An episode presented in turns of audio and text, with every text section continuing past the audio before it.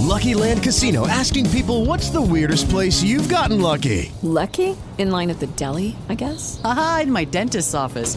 More than once, actually. Do I have to say? Yes, you do. In the car before my kids' PTA meeting. Really? Yes. Excuse me, what's the weirdest place you've gotten lucky? I never win and tell. Well, there you have it. You can get lucky anywhere playing at LuckyLandSlots.com. Play for free right now. Are you feeling lucky? No purchase necessary. Void where prohibited by law. 18 plus. Terms and conditions apply. See website for details. W dzisiejszym odcinku. E, Po to mamy e, e, me- media, żeby też pokazywały, że to, co Prawo i Sprawiedliwość robi, przynajmniej w tej chwili, to nie jest tylko i wyłącznie przedstawianie e, poczynań e, władzy jako e, poczynań takich tworzących konflikt, blokujących potencjalną jedność klasy politycznej w obliczu zewnętrznego zagrożenia. To, co Prawo i Sprawiedliwość robi, to jest sianie zamętu, chaosu i podziałów w kraju, który rzeczywiście no, znajduje się w sytuacji bezpośredniego zagrożenia.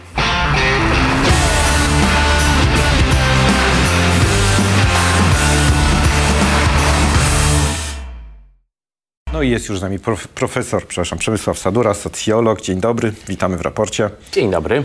No, dużo analizowałeś podziały społeczne w Polsce przed wyborami. Tak tu chwilę mieliśmy okazję porozmawiać, że chyba będzie trzeba te wszystkie analizy zacząć od nowa i przeanalizować to, co się zaczęło dziać od y, wyborów, bo mam wrażenie, że ta polaryzacja, o której pisaliście z y, Sierakowskim, jeszcze się tylko zaogniła.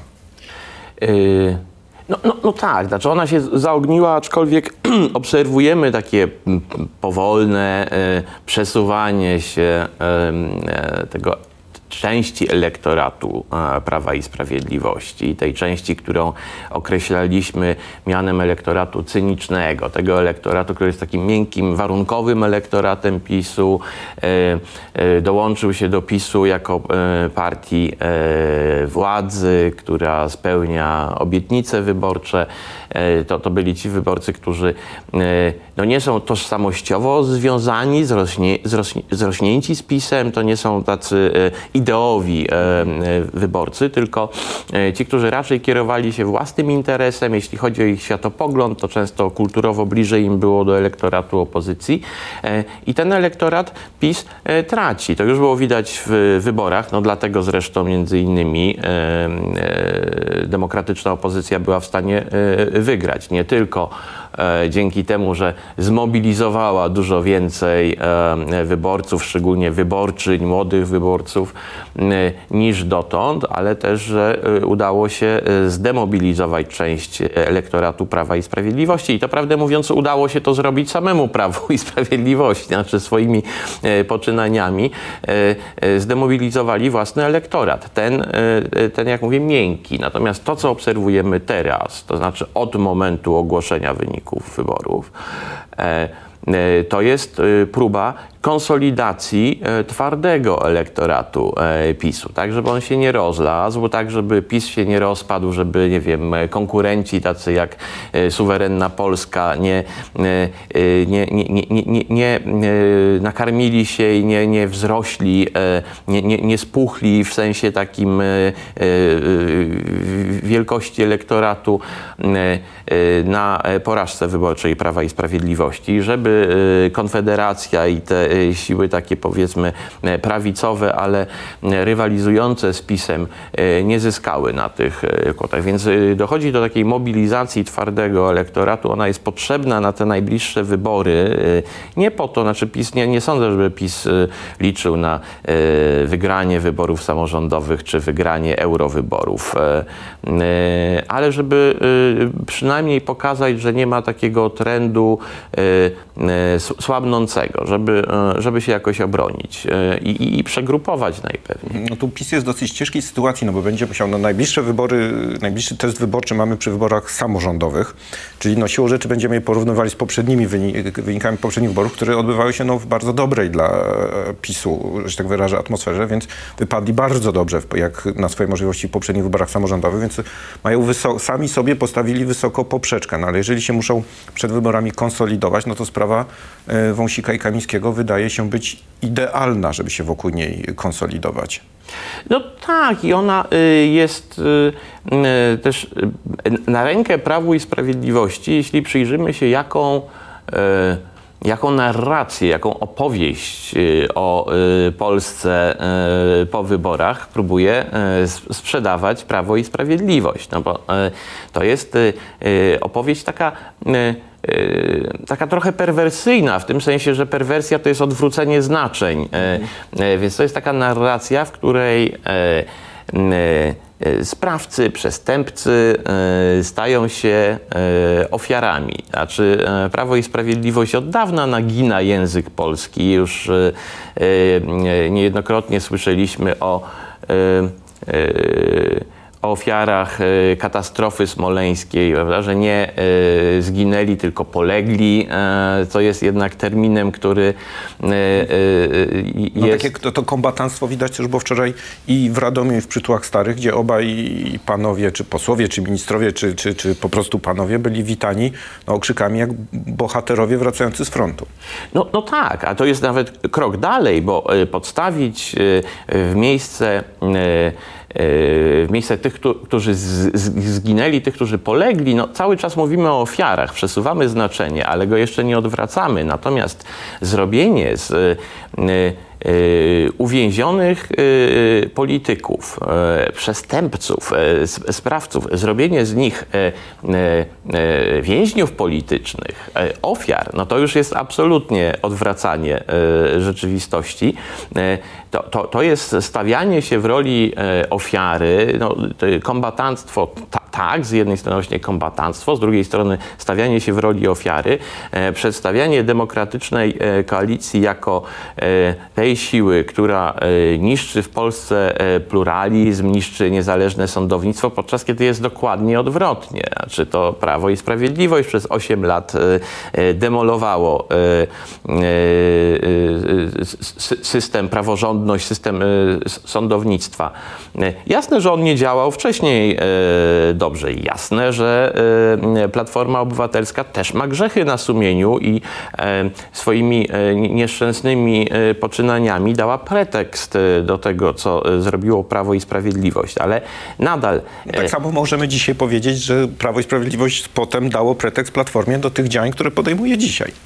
Yy, No tak, tylko że wtedy byśmy yy, yy, stawiali yy, jakąś równość między tymi yy, działaniami. Ba, mówilibyśmy, no tak, za, zaczęło yy, Prawo i zaczęła Platforma Obywatelska, PiS oddał dużo mocniej, a teraz Platforma znowu oddaje jeszcze mocniej. Ale to nie jest prawda. Znaczy, teraz demokratyczna większość i koalicja próbuje uporać się z absolutnym bałaganem e, prawnym, jaki został e, po poprzednikach. E, e, I w sytuacji, w której PiS swoimi działaniami próbuje stworzyć pozór, że mamy oto do czynienia z jakimś dualizmem prawnym, że mamy do czynienia z, e, e, e, z co najmniej dwoma niezależnymi ośrodkami władzy. Nie wiadomo, kto rządzi.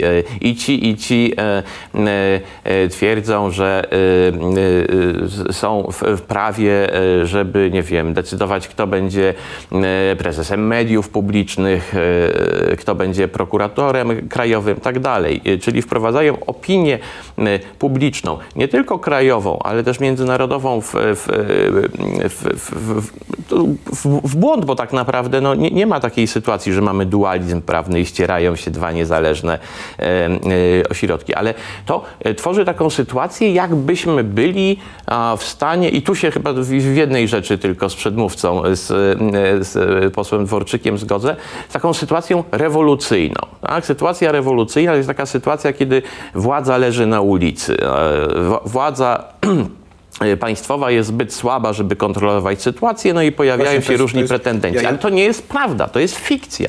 Nie jesteśmy w stanie e, re, rewolucji, tylko mamy do czynienia z e, prawem i sprawiedliwością, które e, próbuje wytworzyć taki To bo ja- obraz. To jest tu- bardzo niebezpieczne. Ja tu właśnie rozmawiam o E, tym z posłem Dworczykiem, ja go pytałem właśnie o tą ich, ich narrację, ich opowieść i on od razu, to nie jest opowieść, to nie jest narracja, to są fakty. I fakty są takie, że mamy destabilizującą sytuację międzynarodową, że wojna, Ukraina jest coraz bliższa przegranej swojej wojny, że jesteśmy państwem frontowym. Za chwilę będziemy się musieli mierzyć z atakami Putina na NATO, a polski rząd nie panuje nad sytuacją w Polsce i mamy chaos prawny.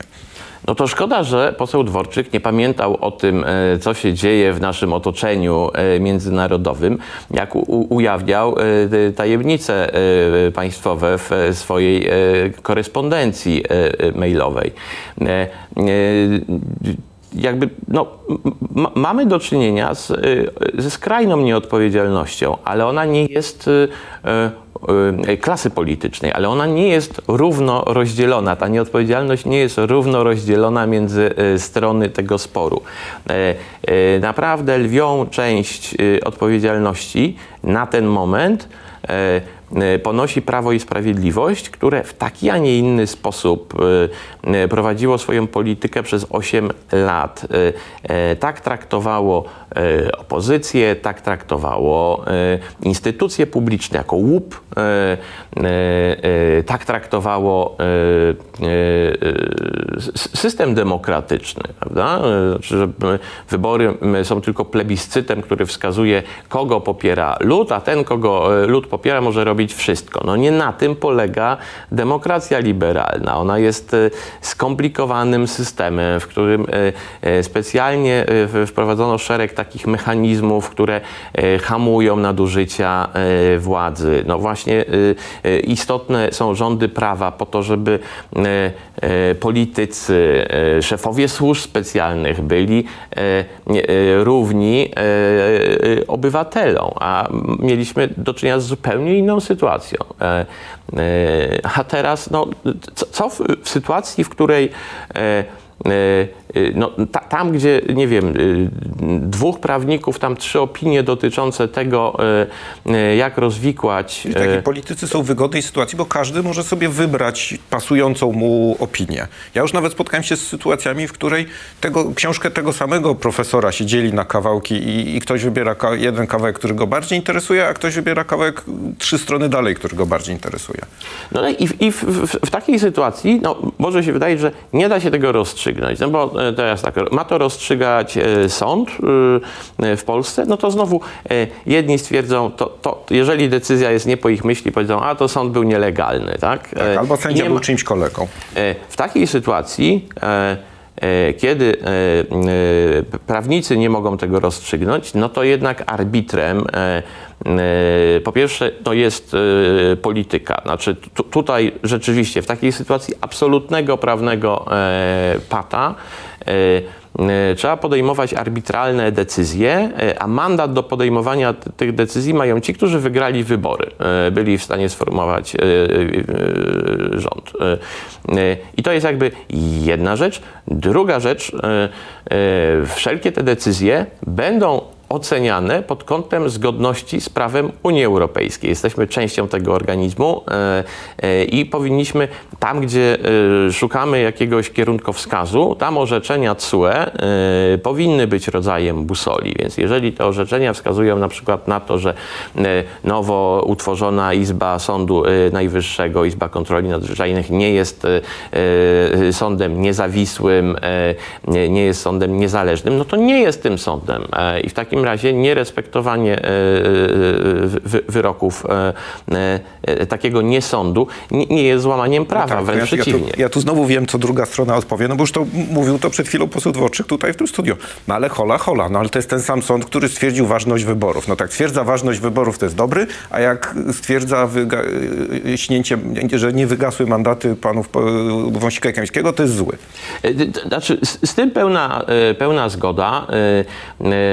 E, Tutaj rozumiem, że też trochę e, e, zabrakło e, pomysłu na to, co, co- zrobić w sytuacji, kiedy o ważności wy, wyborów nie, nie powinien orzekać nie, nie sąd. I jak podstawić w to miejsce bardziej no, organ mający legitymizację prawną i taką p- polityczną, więc to jest niekonsekwencja. E, no, ale całe szczęście, że ta decyzja była taka, jaka była, to znaczy nie podważała wyników wyborów, bo do tego trzeba mieć rzeczywiście mocne argumenty. Żeby e, podważyć wynik wyborów w, w, w demokracji. Bo czy ta demokracja jest liberalna, czy nie jest liberalna, no to jednak świętem demokracji są wybory i ta wola większości, która przypomina o tym, że no, suwerenem jest jednak naród. Co nie znaczy, że jeszcze raz e, to powtórzmy, że e, większość ma zawsze rację i może zawiesić wszelkie prawa, no bo nie. Znaczy ma większość demokracji liberalnej rządzić z poszanowaniem praw mniejszości, z poszanowaniem reguł rządzenia, między innymi zasad e, praworządności. I teraz tak się zastanawiam, bo zaczęliśmy od tego, że Prawo i Sprawiedliwość yy, konsoliduje się przed wyborami samorządowymi. E, nie walczy na razie o żaden nowy elektorat. Czyli rozumiem, że no, nie ma takiej możliwości, żeby ktokolwiek spoza twardego jądra PiSu oglądał demonstracje pod yy, więzieniami w Radomiu i przytułach starych i pomyślał sobie, o wow, będę głosował na tą formację. Mm, nie wydaje mi się. Znaczy to jest tak, że yy, na razie PiS y, zachowuje, mobilizuje, podtrzymuje ten swój twardy elektorat. To jest ten elektorat, który też, y, y, jak patrzymy na przykład na wyniki oglądalności, to tak spektakularnie przepłynął z TVP do TV Republika. No to są ci, którzy pójdą za prezesem w ogień. E, natomiast na to, żeby wygrać tę konfrontację z demokratyczną większością, no to chyba trzeba innej amunicji, a może w ogóle trzeba poczekać na inne czasy. Tak, ale też zasadne wydaje się pytanie jakby z, drugiej strony. Okej, okay, rządzi koalicja, którą wyłoniła większość i to taka no, no, no spora większość to są różnego rodzaju środowiska, różnego rodzaju światopoglądy, które w dużej mierze też wyrażały się w takich no, olbrzymich, masowych protestach. Nie tylko w obronie sądów, czarne protesty, te marsze zwoływane mhm. przez Donalda Tuska. Tym, ci, dla tych ludzi wszyscy wyborcy Prawa i Sprawiedliwości to jest wróg, to jest zło, nawet pojawił się taki pogląd problem. No to pytanie właśnie jak, o, odwróćmy to, już wiemy jak, w jaki sposób Prawo i Sprawiedliwość walczy jako opozycja z rządem, w jaki sposób y, Koalicja Obywatelska powinna walczyć z tą opozycją, żeby jednak uszanować światopogląd tych paru milionów ludzi, którzy na PiS głosowali. E, znaczy ja myślę, że to w ogóle nie tylko koalicja obywatelska, tylko w ogóle koalicja w ogóle, tak, demokratyczna. Tak, tak. I to jest istotna różnica, bo mi się wydaje, że mamy taką sytuację. Znaczy ja też nie będę ukrywał oczywiście, że, że no, kibicuję e, bardziej stronie demokratycznej. E, uważam, że to, co robił tak. PiS, to było zagrożenie autorytaryzmem takim ale pełzającym. Wiem, że ale jakby przebadane oba e, te elektoraty. Ale tak, ale znaczy, to, to, to, jest, to jest tak, że pod tym względem wcale nie musimy zmieniać tego, co pisaliśmy w książce. W książce pisaliśmy, że pierwszym krokiem, żeby rozwiązać problem populizmu w Polsce, E, to jest wygrać e, wybory. To, żeby demokraci wygrali wybory. Żeby wygrać wybory, a trzeba było pokazać jedność wielości. Mamy wielość e, partii opozycyjnych. Na tym polega właśnie liberalna demokracja. Ale chodziło o to, żeby pokazać jedność w obliczu zagrożenia dla podstawowych zasad liberalnej demokracji, liberalizmu, wolności obywatelskich w Polsce. I to ostatecznie się udało. Nie stworzyła co prawda demokratyczna opozycja jednej listy, ale pod koniec kampanii wytworzyła to poczucie jedności, tego, że e, e, partie demokratyczne, ich liderzy są, są partnerami, a idą wspólnie po władzę. Teraz e, drugi krok to jest e, pokazać tą wielość w jedności, e, e, pokazać, że w demokracji liberalnej można się różnić. Na przykład kwestia aborcji będzie tym przedmiotem sporu między Koalicją Obywatelską i Lewicą, a trzecią drogą. I to może stworzyć warunki takiej depolaryzacji czy repolaryzacji polskiego społeczeństwa. Znaczy pokażemy, że tak jak kiedyś zmienił się ten po, podstawowy, fundamentalny podział, bo zawsze jest jakiś podział, który organizuje scenę polityczną. Mieliśmy e, podział na e, siły postkomunistyczne i postsolidarnościowe, na elektorat postkomunistyczny, elektorat postsolidarny. W momencie, kiedy weszła nowa opowieść o Polsce liberalnej i solidarnej, ona jakby zniosła tamten podział. I dzisiaj potrzebujemy nowego podziału, który zniesie podział na PiS i antyPiS. E, e, i, I mam wrażenie, że w tą stronę to pójdzie. To znaczy nie teraz, w tych najbliższych wyborach, kiedy ciągle trzeba jeszcze pokazywać jedność wielości, ale już przy wyborach prezydenckich. E, strona demokratyczna będzie mogła pokazać, my też się różnimy, mamy wielość poglądów, tylko że my się szanujemy, nie traktujemy się jak wrogów śmiertelnych. Można się różnić, ale pozostawać, rywalizować ze sobą, ale ciągle w granicach prawa i przyzwoitości. A PiS będzie wskazywany jako ten, który granice prawa i e, przyzwoitości I mam nadzieję, że to pójdzie w tą stronę. Tu, tu mówimy właśnie o nadziei. I, I, też, no ja też nie będę ukrywał, że ja jako już po prostu wyborca zmęczony tym duopolem, czy jak tego nie nazwać, też chciałbym, żeby wreszcie pojawił się jakiś nowy, no bo podziały będą zawsze, no ale już choćby jakby dla nawet takiej, nie wiem, spokoju, warto by było, warto by było, żeby ten podział został zniesiony i zastąpiony jakimś nowym, bo zawsze jakiś e, inny będzie.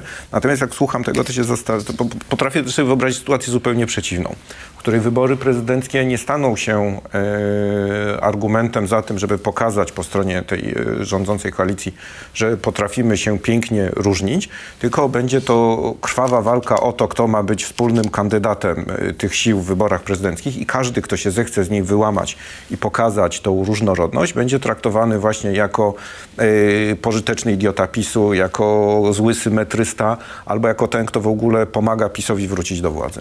Znaczy, oczywiście jest takie ryzyko, ale ja myślę, że e, e, liderzy e, demokratycznej koalicji są świadomi tego ryzyka. To ryzyko istniało już przed ostatnimi wyborami parlamentarnymi. No trochę dlatego wielu ekspertów, komentatorów, w tym i, i, i, i ja, sugerowaliśmy zjednoczenie, jedną listę, żeby uniknąć takiej rywalizacji między siłami demokratycznymi, która może się wyrwać spod kontroli i przybrać taką formę, o której przed chwilą yy, mówiłeś. Bo, bo Ale... były takie elementy i to szczególnie był, bo, bo, bo, bo, długo, długo pod znakiem zapytania stało, na ile w tych, mm, tych szeroko rozumianych siłach opozycyjnych, jaka jest rola trzeciej drogi. Mam wrażenie, że to się udało, tak powiem kolokwialnie, załatwić na chwilę przed wyborami.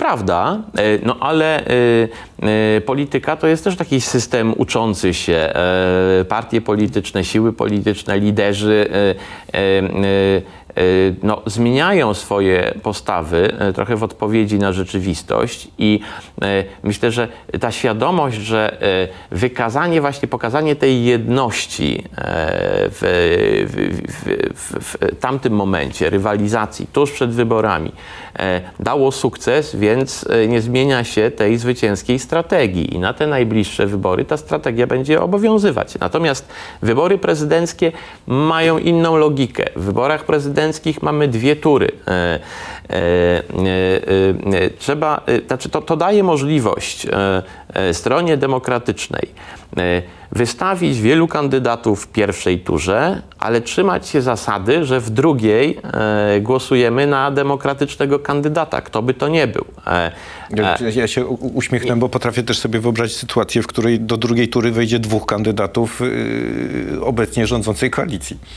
Um, mało prawdopodobne. Znaczy, no to, to by wymagało tego, żeby z kolei e, inny błąd popełniła strona demokratyczna, e, pozwoliła na jakieś e, wyjątkowo duże rozdrobnienie. Ale naprawdę wydaje mi się, że spokojnie może wystawić troje kandydatów,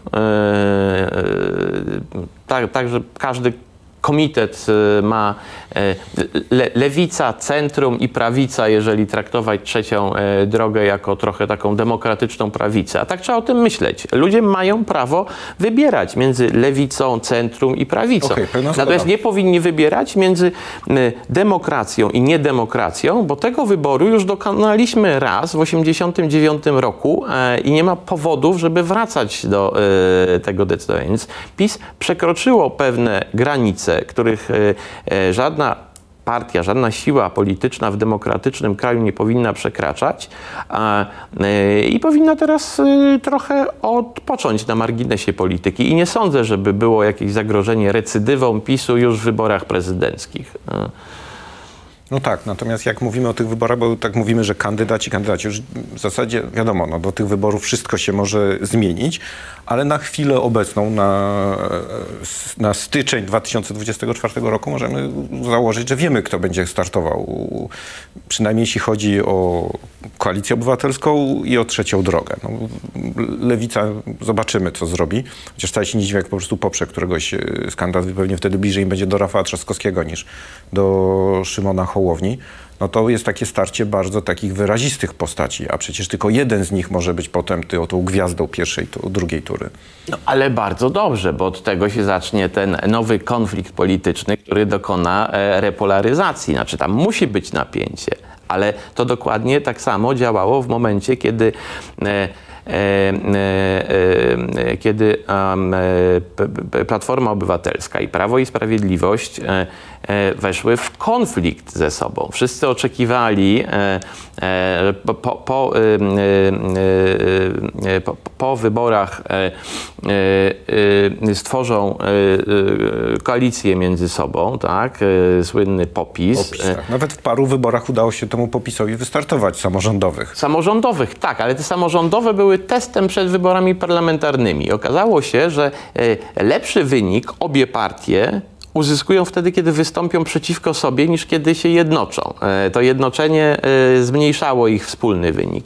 I to pokazało, że jest otwarta droga do nowego opowiedzenia Polski, e, nowego opowiedzenia e, polityki i wprowadzenia nowego, nowej różnicy, która organizuje e, scenę polityczną. I dokładnie teraz mamy tą sytuację. Znaczy jest przestrzeń na to, żeby wprowadzić nową opowieść, która przeorganizuje no tak, podział polityczny tylko, i zmarginalizuje wtedy, Prawo tylko, i Sprawiedliwość. Tylko, że wtedy w tym 2005 roku, no rzeczywiście, no Platforma i, i PiS wystartowały osobno, ale jakby było bardzo silne, pamiętam to doskonale, przekonanie, wręcz graniczące w przypadku co po niektórych komentatorów z pewnością, że te dwie formacje po prostu przejmą wspólnie władzę, stworzą wspólny rząd, już nawet wiadomo, bo kto jak się podzieli jakimi stołkami, a potem z tego nic nie wyszło, wręcz przeciwnie, potem z tego wyszła wojna Platformy i PiSu, która trwa do, do dzisiaj. No jasne, ale y, każda ze stron tego. Y, ja, mówię o tym, ja mówię o tym nie, żeby krytykować czy szukać jakby błędów w twojej logice, bo ja oczywiście rozumiem, po prostu widzę, że to jakby po prostu przyszło mi do głowy, że to, że w wyniku kolejnych wyborów prezydenckich może nastąpić jakiś nowy podział na polskiej scenie politycznej, wcale nie musi oznaczać, że on będzie lepszy niż ten, który mamy dzisiaj. Ale gwarancji to w ogóle nikt nam nie da. E, możemy mieć nadzieję, e, że e, jesteśmy w stanie wyciągać wnioski z przeszłości. Tak? Że no, to, to, co jednak było ciągle funkcjonalne w tamtym podziale na PiS i, i, i nie PiS, to że obie strony, kiedy wygrywały wybory, były w stanie zorganizować funkcjonowanie państwa. No, problem polegał na tym, że PiS nie był w stanie zachować tych standardów liberalnej demokracji. E, e, ale no, nie, nie, mieliśmy e, epoki chaosu, wojny wszystkich ze wszystkimi, tylko mieliśmy jednak czas takiego w miarę stabilnego rozwoju Polski. Pozostawaliśmy częścią Unii Europejskiej, byliśmy dynamiczną gospodarką i o tym też musimy pamiętać, że ten konflikt polityczny to nie jest, znaczy polityka jest taką sferą, która zawsze będzie generować napięcie, konflikt, różnice e, e, i tego się nie ma e, co Chodzi tylko o to, żeby ten konflikt ucywilizować. I ta nowa polaryzacja, takie z jednej strony zestawienie no, sił lewicowo-liberalnych, z drugiej strony jakiejś prawicy, ale demokratycznej, takiej właśnie jak jak Polska 2050, y, y, jak, jak PSL, sił raczej konserwatywnych, ale jednak demokratycznych. Mm, no to jest coś, co jest cie- ciekawą y, sytuacją. Nawet jakbyśmy sobie wyobrazili, już teraz to trochę takie political fiction, ale że kiedyś, kiedyś miałoby dojść do tego, że przeciwko sobie stają te siły e, i nie wiem, e, prze- przegrywają siły lewicowo-liberalne, wygrywa prawica, to już e, e, je- jeżeli jakieś pozostałości po PiS wejdą w koalicję z tym, co prezentuje trzecia droga, co reprezentuje trzecia droga, to będzie to zupełnie inny rząd. Być może Właśnie będzie jakieś- łatwiej trzymać się demokratycznych sformułowanie. Jakieś pozostałości po PiS, bo ten, ta wizja, którą tu, tu projektujesz, ona tak trochę mam wrażenie jakby yy, wyklucza te, yy, znaczy może nie tyle wyklucza, co na razie wystawia poza margines yy, te 7 milionów wyborców Prawa i Sprawiedliwości. Jakby jak oni się mają odnaleźć w tym świecie? Y, nie- nie- wyborcy powinni być e, celem e, krytyki czy ataków e, demokratycznych mediów i demokratycznej większości, ale politycy. I zdaje się, ci, którzy e, e, dokonywali no, e, decyzji e, niezgodnych z prawem, łamali konstytucję, łamali obowiązujący system prawny, łamali e, pisane i niepisane zasady e, organizujące e, ży- życie polityczne w demokratycznym kraju. E, I widać teraz, że e, jeżeli spojrzymy E, Jaki odsetek e, Polaków e, kupuje tą e, narrację PiSu? O tym, że mamy do czynienia z e, zamachem na e, demokrację w Polsce, że Kamiński i Wąsik to e, bezprawnie więzieni, więźniowie polityczni, e, że powinni wrócić do Sejmu, bo zachowali mandaty, e, no to e, tylko najtwardszy elektorat PiS przyznaje rację. Znaczy widać, że elektorat Prawa i Sprawiedliwości podejmuje też decyzje, zmienia się, że po, Polacy w większości oczekują, żeby wyciągnąć konsekwencje wobec polityków, którzy łamali prawo.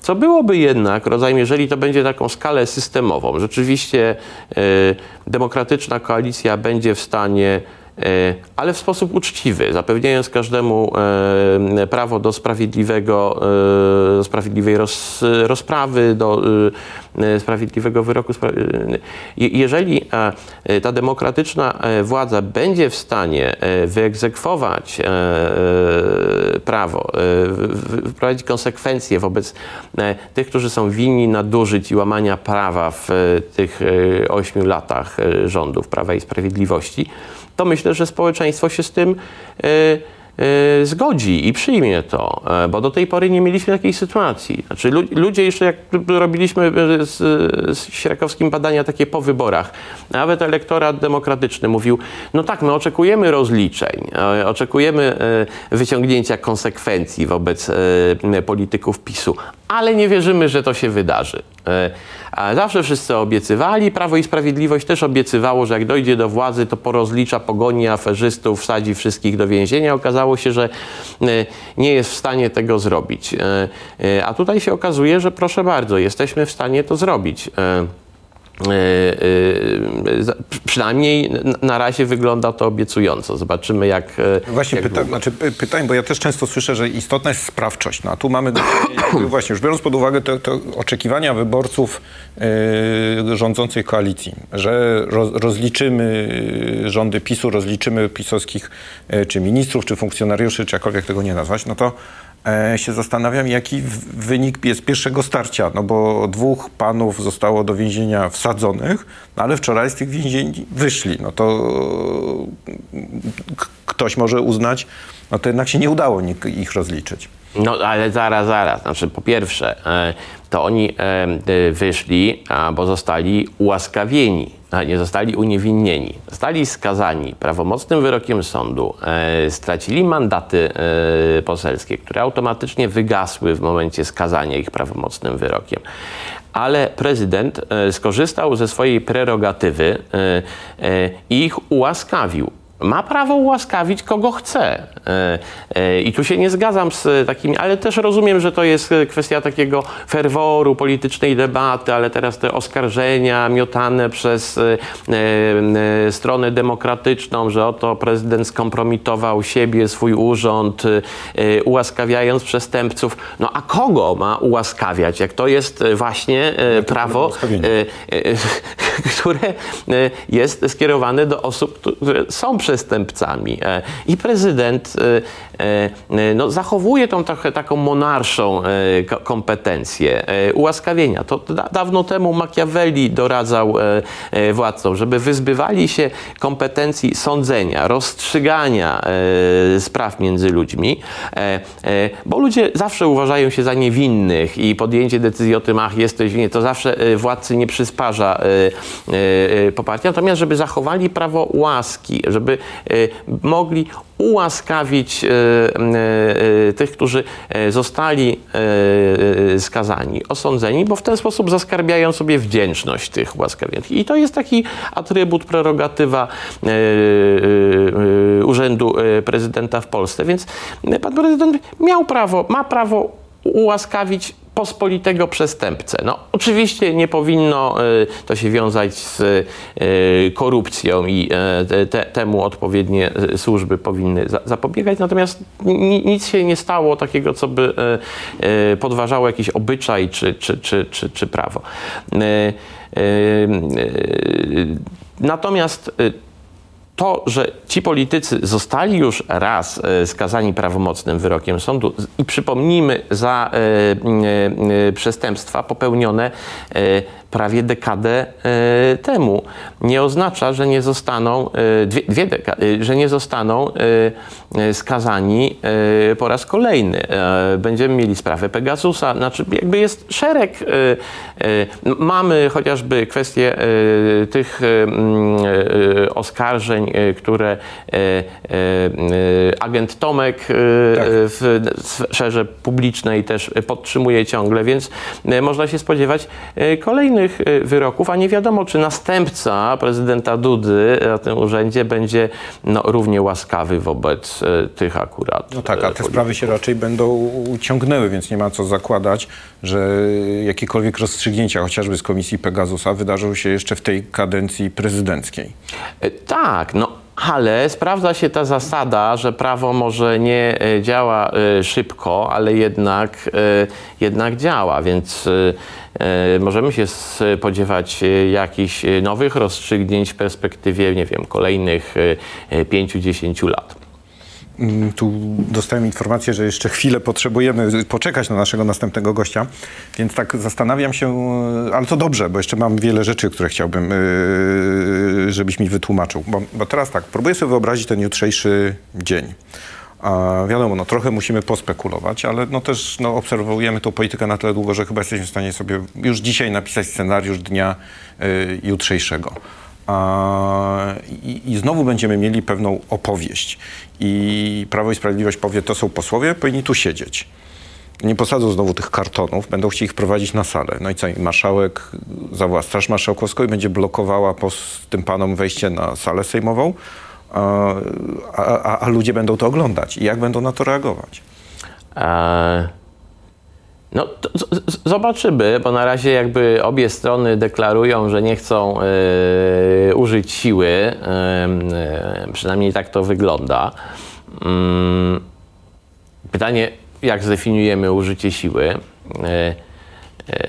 Ma- marszałek Hołownia no na pewno chce na tle zdecydowanego jednak antypisowskiego Tuska wyglądać jako ten, który jest taki łagodniejszy, szuka porozumienia, trochę takiego e, po- ponad podziałami, ale, e, ale jest jednak częścią e, tej demokratycznej większości, więc pe, pewnie nie, nie, nie na rękę mu wykorzystanie Straży Marszałkowskiej, no ale Straż Marszałkowska może też w sposób nieagresywny, bardzo pasywny, ale jednak uniemożliwić wejście na e, salę obrad osobom niepowołanym, bo to jest tak, że w trakcie obrad e, nie może na salę sejmową wejść, e, które mogą się znajdować tylko e, e, posłowie. E, Owszem, zdarzało się czasami, że jakiś zabłąkany dziennikarz, no to nigdy nie ma, no to, to i na lotniskach zdarzało się, że ktoś e, e, wsiadł, z, mimo wie- wielokrotnych kontroli, wsiadł do niewłaściwego samolotu, nie? Ale, ale co do zasady, e, e, to, to nie może się osoba nie, niepowołana znaleźć tam w trakcie e, obrad i e, od tego jest Straż Marszałkowska e, i służby, żeby e, do tego nie dopuścić. Natomiast e, e, można to zrobić e, bez użycia siły tak długo, jak, jak ci, którzy chcą bezprawnie wejść do Sejmu, nie użyją siły.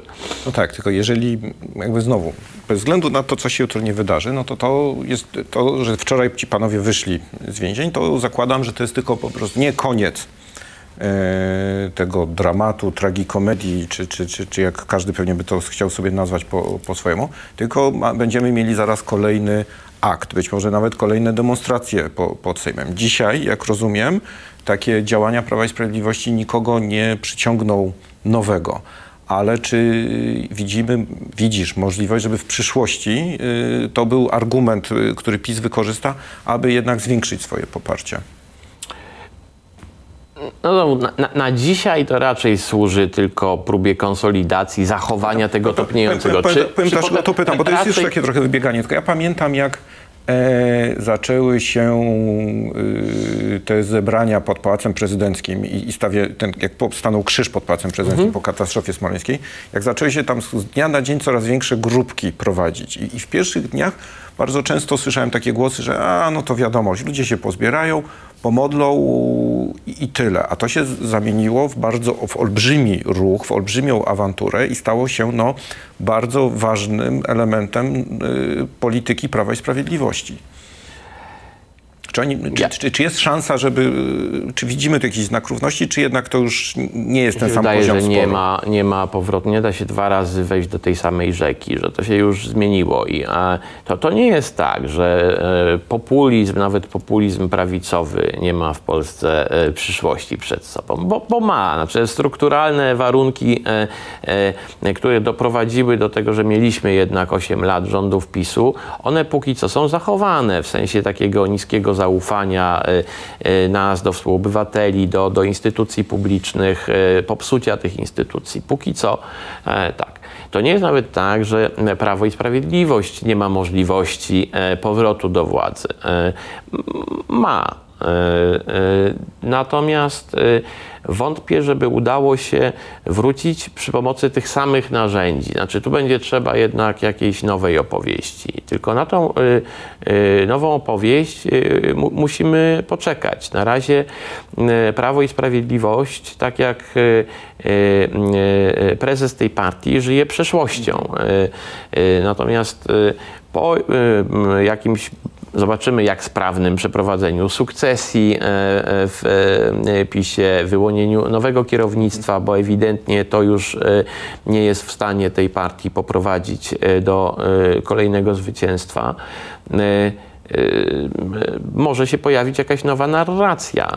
Prawo i Sprawiedliwość też stara się skonsolidować ten swój twardy elektorat po to, żeby we względnie komfortowej sytuacji przetrwać te e, lata e, rządów e, de- demokratów, licząc, że im się noga podwinie, licząc, że no, trupy po- politycznych wrogów same spłyną rzeką. Za- Zawsze tak jest, że no, ta demokratyczna większość musi się zmagać z trudną sytuacją gospodarczą, z trudną sytuacją geopolityczną, z trudną sytuacją wewnętrzną, dzięki temu, co Prawo i Sprawiedliwość przez te 8 lat e, e, gotowało i koniec końców uważyło Polsce i Polakom.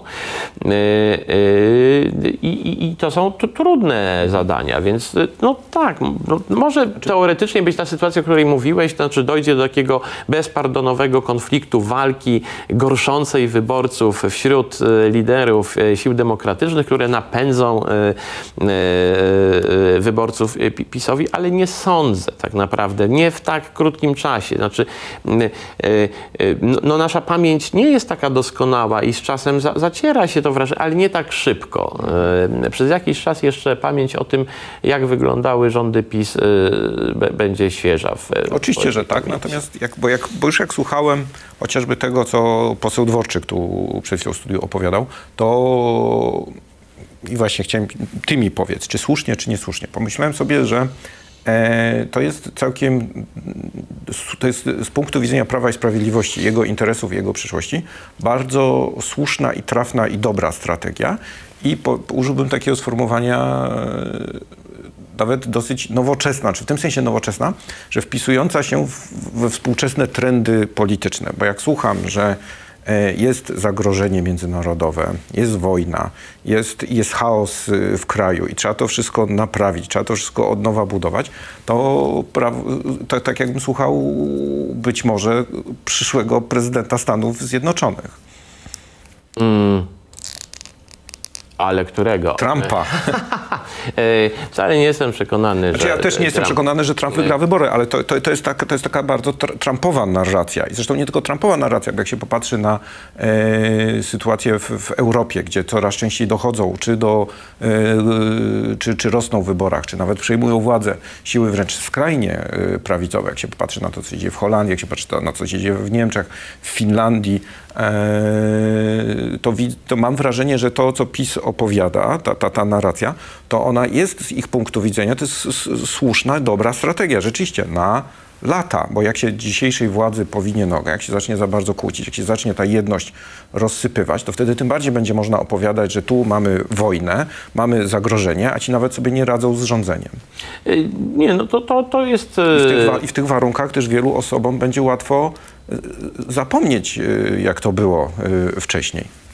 E, To, to prawda, ale e, e, po to mamy me- media, żeby też pokazywały, że to, co Prawo i Sprawiedliwość robi, przynajmniej w tej chwili, to nie jest tylko i wyłącznie przedstawianie e, poczynań e, władzy jako e, poczynań takich tworzących konflikt, blokujących potencjalną jedność klasy politycznej w obliczu zewnętrznego zagrożenia.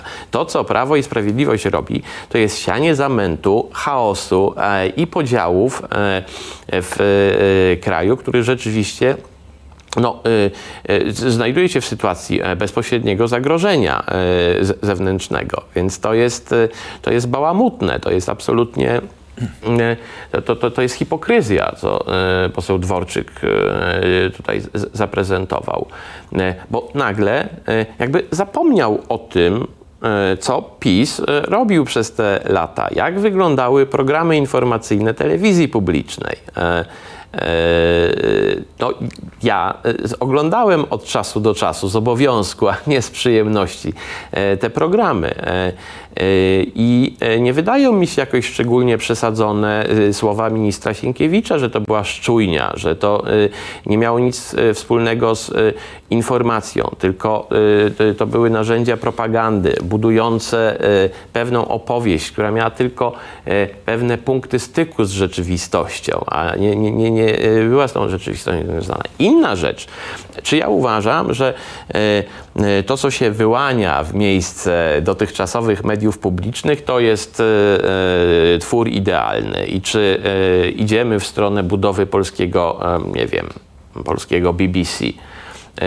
Wydaje mi się, że nie, ale jednak jest no, bez porównania lepiej niż było do tej pory.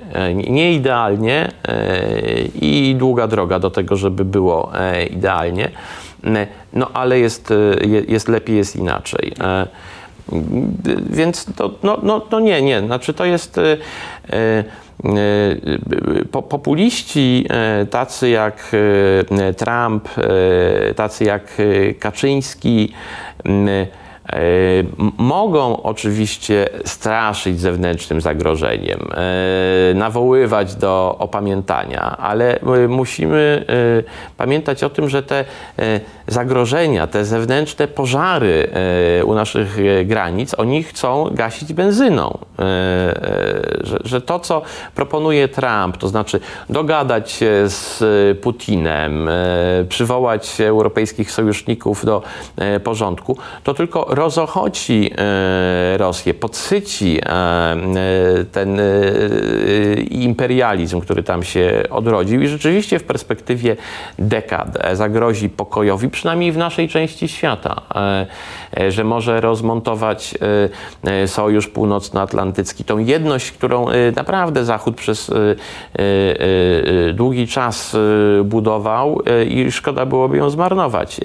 Więc nie, nie, znaczy wydaje mi się, że no, jest oczywiście zagrożenie powrotem populizmu, e, ale w Polsce przynajmniej e, na e, jakiś czas e, mamy oddech, e, który pozwala trochę przemyśleć strategię, przegru- przegrupować się. Znaczy jest trochę inaczej niż w Europie Zachodniej. Czy to prawda, jesteśmy w, pod tym względem w lepszej sytuacji, natomiast nie jestem pewien, czy, czy mamy ten czas na ten oddech. No bo tak, jutro to już mogę w ciemno, możemy założyć, jutro mamy wielką awanturę w Sejmie, o ile w ogóle w tej sytuacji Sejm się odbędzie, bo już raz z powodów pana Wąsika i Kamińskiego się w ogóle nie odbyło posiedzenie Sejmu. E, Nawet jeśli jakoś się uda przez ten jutrzejszy dzień w miarę bezboleśnie e, przejść, no to z kolei w piątek trafiają do Sejmu trzy ustawy o legalizacji aborcji. E, Coś, na co wiele wyborców, wszystkim wyborczyń różnych formacji tworzących, wszystkich w zasadzie formacji tworzących dzisiejszy rząd, bardzo usilnie czekają. I to będzie też z jednej strony dla koalicji i dla rządu Donalda Tuska test na to, na ile potrafią to, co powiedziałeś, y, różnić się, ale jednak współpracować i współdziałać, a z drugiej strony dla PiSu to jest idealny, będzie, zakładam, idealny sposób na to, żeby pokazywać, o, zobaczcie, nie potrafią się dogadać. Mm, To nie, nie, nie, znaczy nie, nie wydaje mi się, jeżeli ta debata między e, e, e, różnymi siłami w ramach demokratycznej koalicji będzie debatą utrzymaną w jakichś takich właśnie granicach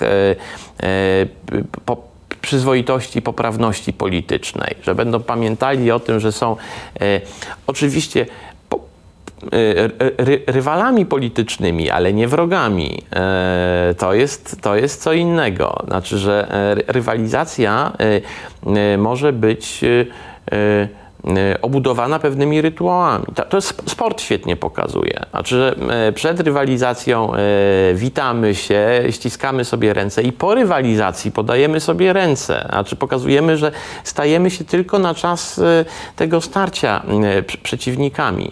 Ale to nie znosi, to nie jest walka na śmierć i życie. Znaczy te- te- tenisista, który przegrał mecz, idzie i gratuluje swojemu rywalowi, a nie wali go rakietą. I, i, i to ma pokazać teraz demokratyczna e, koalicja, że w sporze o, e, o nawet tak mobilizujące, e, emoc, emocjonujące, e, poruszające e, e, kwestie jak aborcja, że są w stanie e, debatować ze sobą w sposób cywilizowany. Jestem przekonany, że to się, e, że to się uda. E, e, I myślę, że w niektórych kwestiach dotyczących e, praw kobiet też koalicja będzie w stanie pokazać sprawczość. Znaczy nie jesteśmy w stanie w tym momencie dogadać się co do liberalizacji aborcji, znaczy ta- takiej liberalizacji, która by oznaczała e, e, e, s- swobodę e, terminacji ciąży tam do trzeciego miesiąca, bo to obiecywała Lewica, to obiecywała e, Koalicja Obywatelska.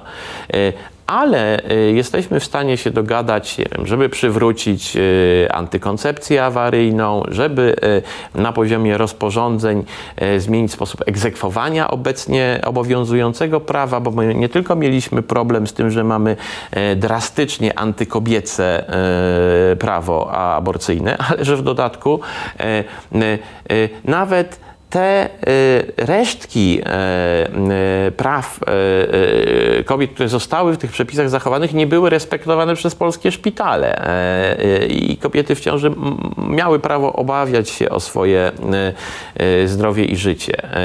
E, I, to można zmienić na e, podstawie rozporządzeń, na podstawie instrukcji wysyłanych do szpitala. No tu jest jakby cała pa- paleta różnych działań i tu się może koalicja demokratyczna wykazać pewną jednością e, w wielości poglądów, a, a z aborcją zobaczymy. Sytuacja kobiet może się oczywiście po, po, poprawić, natomiast pytanie, jak daleko jest w stanie się poprawić yy, i na ile to, co uda się przewalczyć, będzie dla elektoratu koalicji obywatelskiej, czy w ogóle, przepraszam, znowu, po prostu koalicji rządowej, na ile będzie akceptowalne, bo na razie jakby sygnał poszedł prosty. Na chwilę obecną, po pierwsze możemy zrobić to, co, co mówiłeś, czyli trochę poprawić praktykę funkcjonowania już tych przepisów, które mamy, no i wrócić do tego kompromisu, który tamta no, pamiętna decyzja Trybunału Konstytucyjnego wywróciła do góry nogami.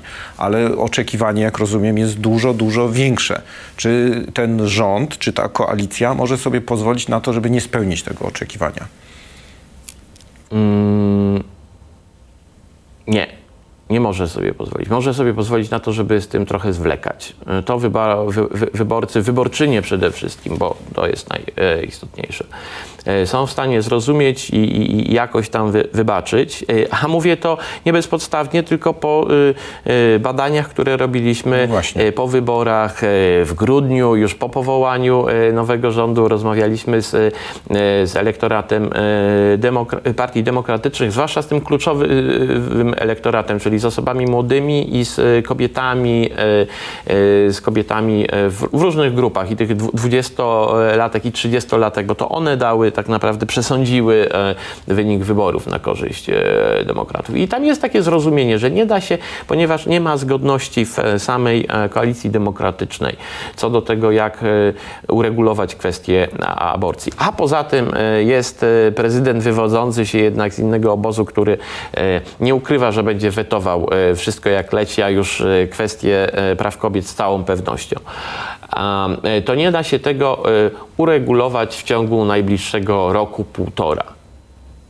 E, I to myślę, że e, są w stanie e, i dla, dlatego mówię, że ra, raczej ten wyborczy trójskok teraz, czyli wybory samorządowe, euro i wybory prezydenckie w przyszłym roku, de, demokraci powinni bez problemów wygrać. Natomiast jeżeli strona demokratyczna nie będzie w stanie zmienić przepisów aborcyjnych, e, nie będzie w stanie zagwarantować przestrzegania e, e, praw e, człowieka, bo prawa kobiet są prawami człowieka, prawa reprodukcyjne kobiet są częścią praw człowieka. E, e, To e, oznacza demobilizację e, części elektoratu, a, z całą pewnością ten najmłodszy elektorat e, e, poparłby wtedy decyzję na przykład lewicy o wyjściu z, e, z koalicji i o tym, żeby zaprzestać e, popierania e, rządu, e, zacząć e, ry, rywalizować z tymi partiami. Więc e, no, tutaj zobaczymy. e, Natomiast wydaje mi się, że no, to będzie, to już w wyborach prezydenckich będziemy mieli tą sytuację podkreślania, że wybieracie prezydenta, więc zastanówcie się, którego chcecie. Czy chcecie prezydenta, który nie podpisze ustawy liberalizującej, liberalizującej taką ustawę. I, I pytanie, czy właśnie to, bo to będzie dla sporej grupy wyborców yy, i, no i wszystkim wyborczyń yy, bardzo istotny element, czy to na przykład blokuje możliwość Szymona Hołowni, żeby się jednak do tej pierwszej, do tej drugiej tury yy, dostać w tych wyborach? Nie, nie blokuje, ale, ale utrudni mu to z całą pewnością. To jednocześnie ułatwiłoby mu e, zwycięstwo e, w drugiej turze, tak? E, Gdyby wystartował przeciwko kandydatowi e, e, e, no nie PiSu, tylko i, i innemu demokratycznemu kandydatowi, no to mógłby liczyć na poparcie tych konserwatywnych wyborców PiSu. Mm, Natomiast w pierwszej turze, no, no, no zobaczymy, ale kandydat wystawiony przez koalicję obywatelską, y, czy kandydatka. No zobaczymy, czy to będzie Trzaskowski. Mo, może rzeczywiście e, skutecznie utrudnić e, przejście e, Hołowni do drugiej tury. No tak, no bo dla wyborców to będzie ciężkie do zaakceptowania. To będzie nie tylko ciężkie do zaakceptowania dla wyborców, dla wyborczyń, ale też tu nawet w tym studiu w wielu naszych formatach siadały posłanki, to nie tylko lewicy, ale również i Platformy Obywatelskiej, nawet posłanki y, trzeciej drogi, które mówiły, no nie no, musimy zliberalizować, gwarantujemy, że zliberalizujemy. A wiem, że na chwilę obecną, jak sobie liczyły, no to nawet nie doliczyły się większości po swojej stronie. A na głosy no, PiSu czy Konfederacji w tej sprawie nie ma co liczyć. Nie no, ale, ale widać, y, że y, y, trzecia droga nie jest w stanie na, narzucić tej e, dyscypliny e, klubowej nawet swoim e, posłankom. Ale nie próbuje tego zrobić na szczęście. E, Więc e, nie można powiedzieć, że tam jest je, jedność e, opinii. Mam nadzieję też, że po, politycy trzeciej drogi e, posłuchają swoich koleżanek, porozmawiają z nimi i zaczną trochę zmieniać e, zdanie.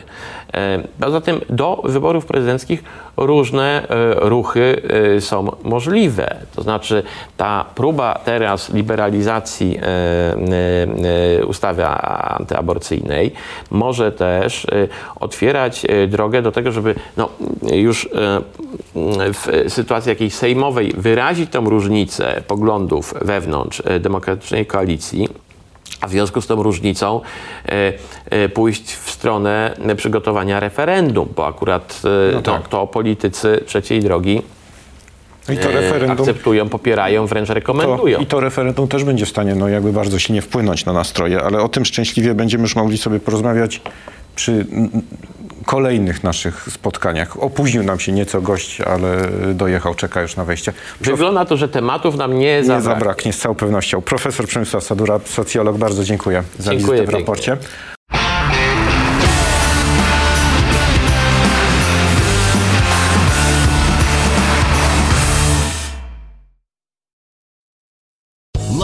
Casino asking people what's the weirdest place you've gotten lucky? Lucky? In line at the deli, I guess? Aha, in my dentist's office. More than once, actually. Do I have to say? Yes, you do. In the car before my kids' PTA meeting. Really? Yes. Excuse me, what's the weirdest place you've gotten lucky? I never win and tell. Well, there you have it. You can get lucky anywhere playing at LuckyLandSlots.com. Play for free right now. Are you feeling lucky? No purchase necessary. Void where prohibited by law. 18 plus. Terms and conditions apply. See website for details.